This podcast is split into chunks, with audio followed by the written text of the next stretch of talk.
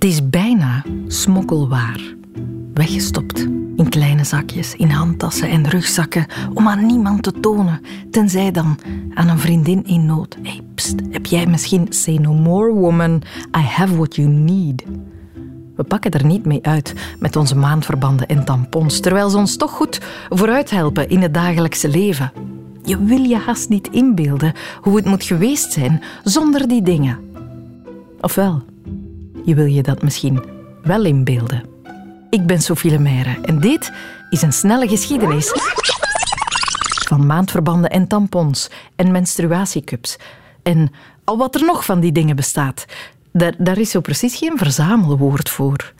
Dit is een snelle geschiedenis van menstruatieopvangmiddelen. Ja? Van menstruatieopvangmiddelen. Wel, die geschiedenis is eigenlijk al even geheimzinnig als hoe we over die producten doen. We weten weinig met zekerheid over hoe vrouwen hun menstruatie opvingen tot in de 19e eeuw. Ja, dat klopt eigenlijk. Dit is Kaat Wils, hoogleraar cultuurgeschiedenis aan de KU Leuven. Zij bestudeert onder meer de geschiedenis van gender en seksualiteit. Men gaat ervan uit dat men zich behielp met onderrokken, flanellen lappen en lorren of hemden met lange flappen die men dan tussen de benen door plooide. Je moet weten. Lange tijd hebben vrouwen geen onderbroek gedragen. Dat was iets voor mannen, voor onder hun broeken. En dus dat maakte het natuurlijk ook extra moeilijk om iets te voorzien bij menstruatie.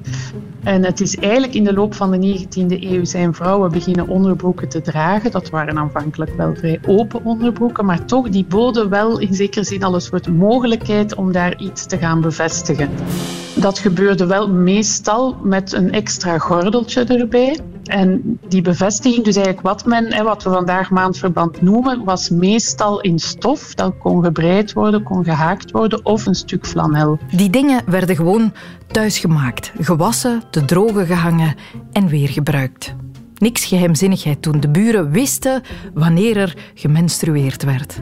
Het is pas na de Eerste Wereldoorlog dat het eerste wegwerpmaandverband op de markt komt in de Verenigde Staten. En in België is dat eigenlijk pas eind jaren 40, uh, eh, jaren 50 dat het wegwerpmaandverband uh, op de markt komt en echt wordt gebruikt. Het heeft dan zelfs ook nog tot de jaren 70 geduurd voordat daar kleefstof werd op aangebracht, waardoor je dus eigenlijk geen extra's meer nodig had om het te bevestigen. Ah. En voordien moest het dan toch nog met knoopjes of lusjes of een speciale onder die werd verkocht samen met het maandverband, waarin je dat dan kon plaatsen. Intussen zijn er ook al tampons op de markt trouwens. Die doen in de jaren 30 hun intrede op de Amerikaanse markt en in de jaren 60 bij ons. Dat weten we door de patentaanvragen en reclameadvertenties uit die tijd.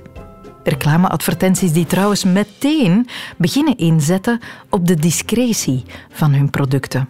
En voor vrouwen die op dat moment massaal de arbeidsmarkt opgingen, kwam dat best goed uit.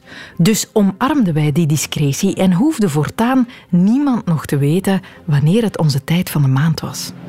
Vandaag verandert er wel wat in menstruatieopvangdinges, land. Je hebt van die menstruatiecups. En er is nu ook menstruatieondergoed. Dus dat is eigenlijk een terugkeer naar het verleden. En zo is onze geschiedenis, of liever onze cyclus, mooi rond.